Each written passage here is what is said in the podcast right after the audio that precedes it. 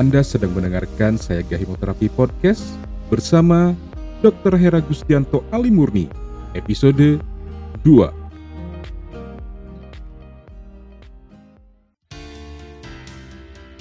Selamat datang di serial audio podcast bersama Sayaga Hipnoterapi, institusi penyedia layanan hipnoterapi dan konseling profesional di Kota Bandung yang membantu penanganan berbagai masalah kesehatan, emosi, dan perilaku yang mengganggu kualitas hidup. Berpijak pada nasihat luhur, eling, waspada, lan sayaga, serial audio podcast Sayaga Hipnoterapi hadir untuk membantu Anda menata kehidupan yang berkualitas secara fisik, mental, emosional, dan spiritual dengan sikap yang lebih berkesadaran, lebih berwaspada, dan lebih bersiaga. Halo, senang sekali bisa berjumpa dengan para kewargian. Perkenalkan, saya Dr. Raden Heragustianto Alimurni, atau yang biasa disapa dengan Dr. Anto.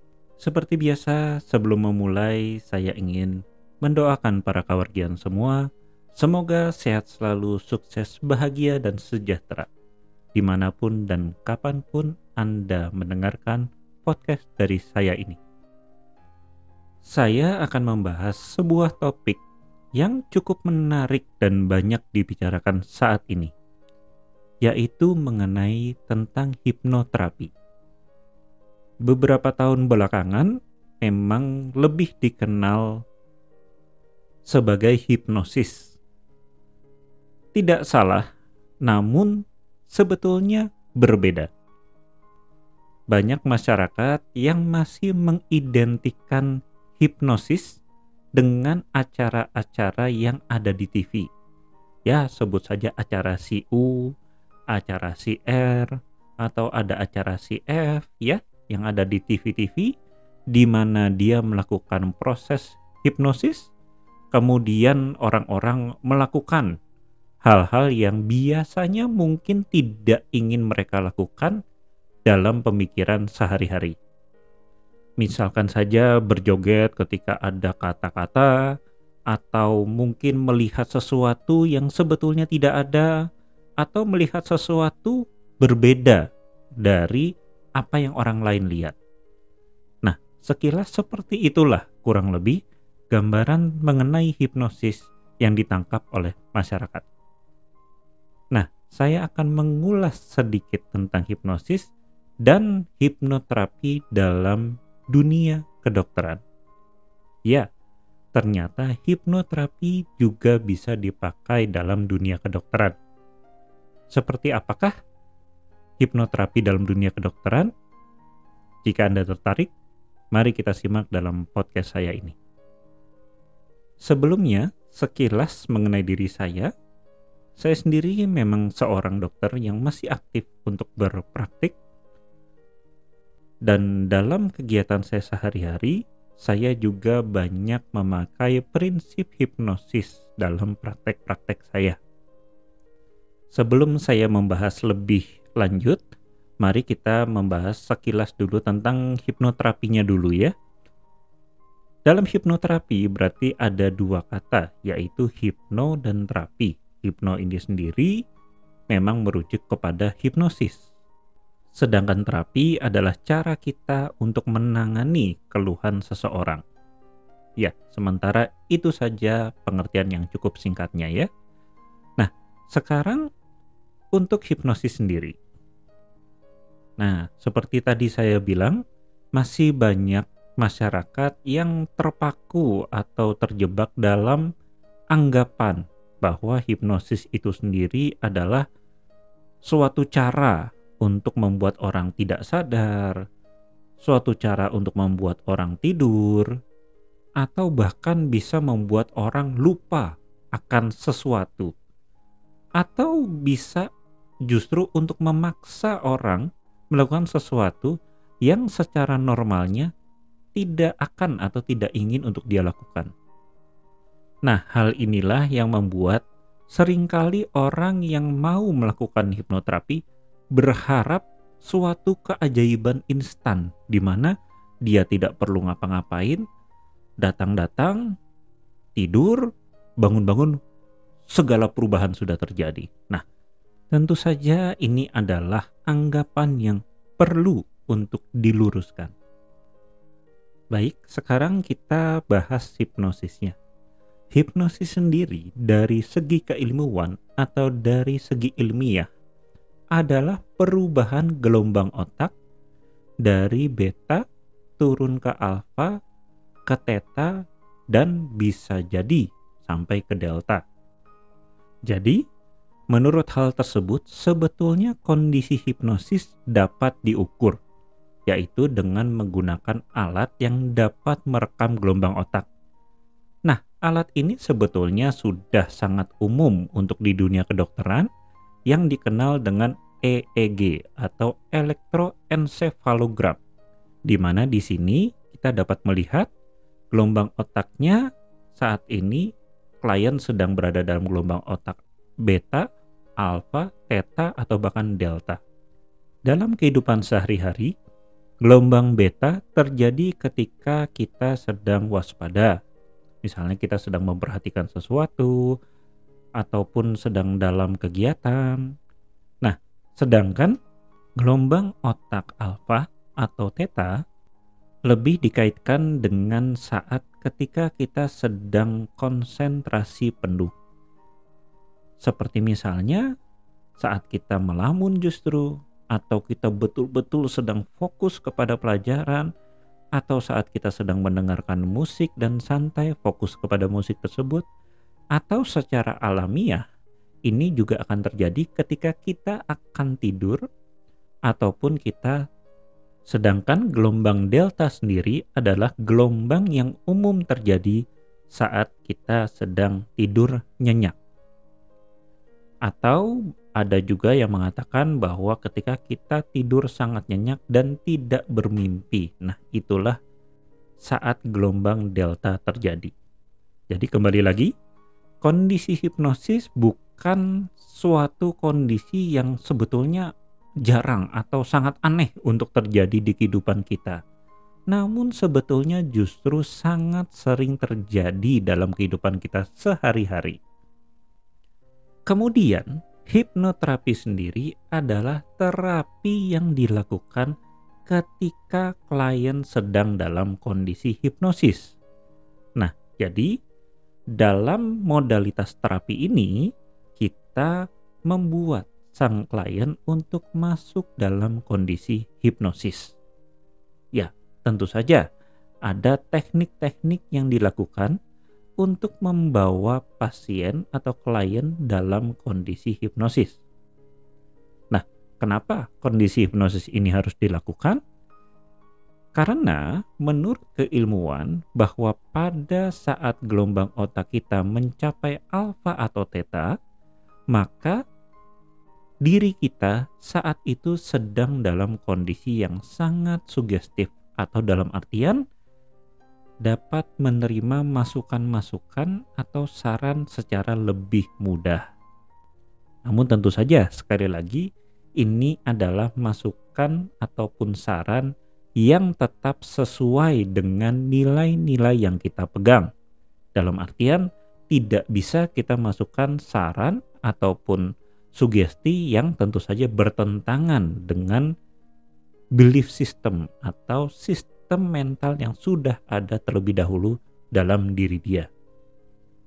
Pada saat kondisi hipnosis ini juga, sebetulnya justru kita lebih fokus ataupun aware terhadap internal sistem kita.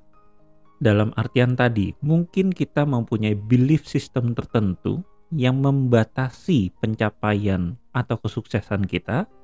Misalkan saja, ternyata ada belief system kita yang menganggap bahwa orang sukses itu pasti nantinya akan jadi jahat. Atau orang sukses itu biasanya keluarganya berantakan. Nah, itu kadang-kadang secara halus tertanam dalam diri kita. Secara logis ataupun secara sadar mungkin tidak akan ada yang berpikir seperti itu. Tapi ternyata di dalam diri kita kadang ada tertanam program seperti itu. Kembali dalam topik bahasan kita kali ini, saya ingin mengkaitkan hipnoterapi dalam bidang kedokteran. Nah, mungkin banyak yang belum memahami apa intinya dari hipnoterapi dalam bidang kedokteran. Atau banyak juga dokter yang bahkan mungkin tidak mengakui bahwa hipnoterapi ini dapat menjadi sebuah modalitas terapi yang bisa diterapkan selain dari obat-obatan yang diberikan. Saya sendiri sebagai seorang dokter menerapkan CCT kepada klien saya. Apa itu? Yaitu coaching, counseling, dan terapi. Dalam artian begini, untuk setiap pasien saya, saya harus pertama adalah bisa memberikan clarity, yaitu kejelasan tentang penyakit yang sedang mereka hadapi. Termasuk juga kemungkinan penyebab yang harus mereka selesaikan. Kedua, tentunya saya harus memberikan program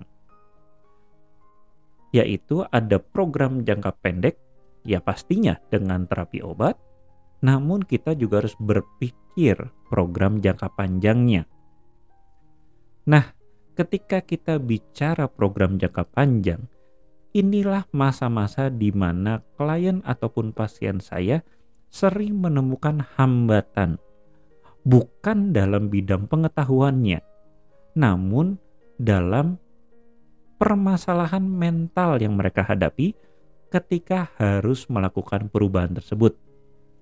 Di sinilah kita melakukan konseling terapi juga, bahwa kita harus menyelesaikan hambatan mental tersebut supaya mereka dapat mencapai perubahan yang baik dalam jangka waktu panjang.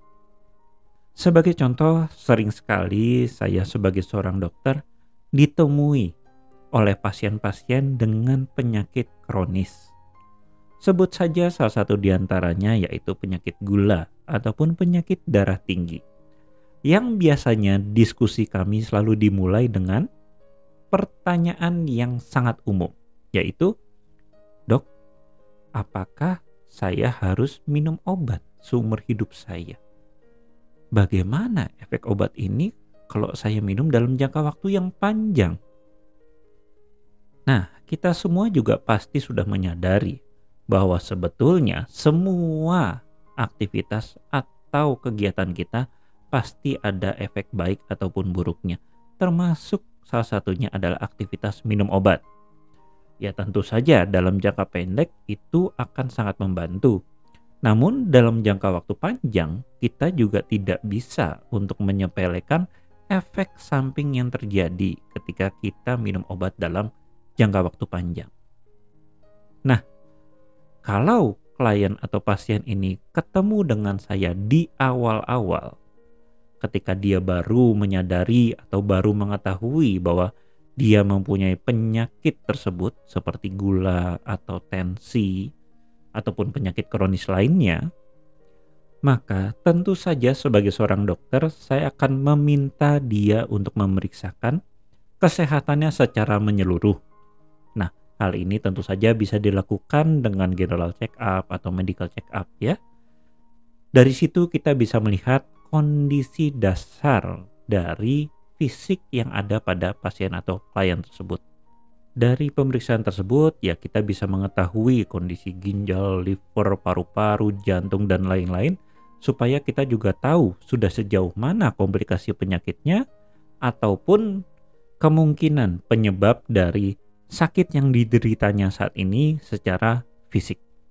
Namun kemudian yang mungkin membuat saya sedikit berbeda dari dokter lainnya adalah ketika kita sudah mengetahui penyakit tersebut, maka kita tidak berhenti dalam program jangka pendek, yaitu katakan tadi obat. Ya, misalnya kan dia diabetes, kemudian dia dapat obat gula, oke. Lalu selanjutnya apa? apakah nanti lain kali dia harus periksa kadar gulanya, kemudian kita kasih obat lagi, atau bagaimana? Tentu saja ketika orang mempunyai penyakit kronis seperti ini, yaitu penyakit gula katakan atau hipertensi, maka sebetulnya pola hidupnya juga harus sangat kita rubah. Misalkan saja pola makannya, olahraganya, istirahatnya, pikirannya. Nah, banyak sekali sebetulnya pola hidup yang juga harus kita awasi Kemudian setelah kita tahu, maka kita harus membuat program jangka panjang untuk pelan-pelan merubah pola hidupnya tersebut. Nah, di sinilah sebetulnya terkadang banyak orang menemui hambatan secara mental. Contohnya saja begini.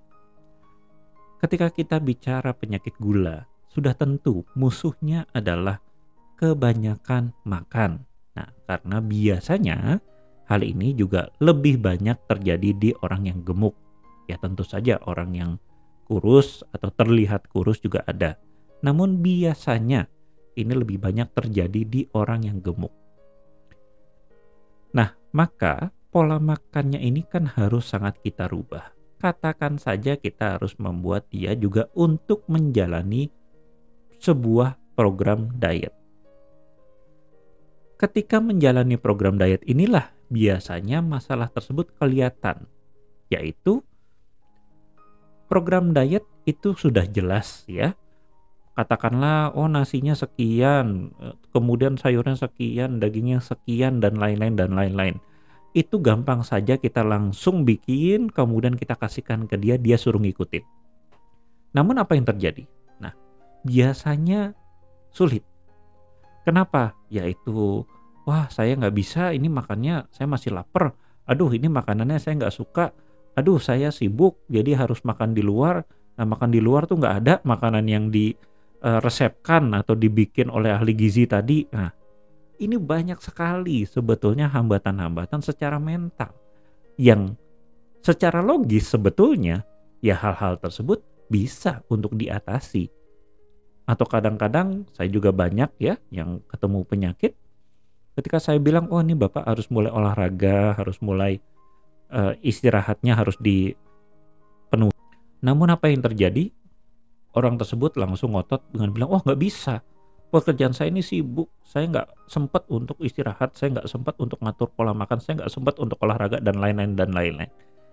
Kembali lagi, ketika kita bicara sebuah kesehatan, maka apakah kesehatan tersebut bisa untuk datang sendiri? Tentu saja tidak bisa. Dan apakah kesehatan yang sejati bisa diperoleh hanya dengan meminum obat? Tentu saja tidak. Atau apakah kesehatan yang sejati bisa Anda tebus dengan berkonsultasi dengan profesor-profesor ataupun ahli-ahli yang terkenal? Hanya berkonsultasi? Tentu saja tidak. Kenapa? Karena untuk melakukan hal itu mungkin Anda hanya perlu untuk berkorban uang.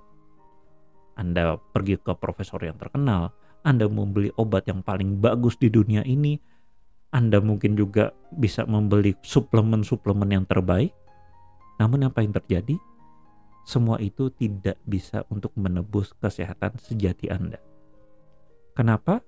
Karena kesehatan sejati harus ditebus dengan tenaga, waktu, pikiran, emosional, bahkan jiwa Anda, dan tentu saja uang. Di sinilah hipnoterapi dapat membantu dalam bidang kedokteran untuk mengatasi masalah-masalah mental emosional yang tentu saja tidak bisa diselesaikan dengan pengobatan fisik. Ya, contoh saja paling gampang, apa ada obat untuk menghilangkan kemalasan? Tidak. Apa ada obat untuk menghilangkan sebuah alasan untuk melakukan sesuatu? Tentu tidak. Semua itu ada dalam diri kita, dalam mental emosional kita. Atau kalau saya menyebutnya, ada dalam program yang terletak di bawah sadar kita. Suatu saat nanti kita akan bahas lebih jauh tentang program ini. Namun, untuk saat ini, seperti itulah sebetulnya kegunaan atau manfaat hipnoterapi dalam bidang kedokteran. Di mana semakin saya mempelajari dalam bidang hipnoterapi ini, makin terlihat banyak manfaat yang bisa saya berikan untuk pasien saya. Minimal saat ini ketika ada pasien yang bertanya, "Dok, apakah saya harus minum obat seumur hidup? Apakah saya memang harus menjalani penyakit ini seumur hidup?" Kembali, Semakin awal dia datang itu semakin bagus. Namun, kapan pun dia datang bertemu dengan saya tentang penyakit kronis, saya akan bilang, Pak atau Bu, itu pilihan. Mari kita lihat pilihan tersebut. Apakah Anda mau minum obat atau mau sehat sejati? Demikian dari saya. Semoga suatu saat nanti kita bisa berdiskusi secara langsung mengenai masalah ini. Saya, Dr. Anto, undur diri. Salam eling, waspada, lan sayaga. Serial audio podcast Sayaga Hipnoterapi menghadirkan inspirasi kehidupan yang diintisarikan dari berbagai keilmuan psikologi dan pengembangan diri yang juga diadaptasi dari kisah nyata para individu yang menjalani program terapi dan konseling bersama tim profesional dari Sayaga Hipnoterapi.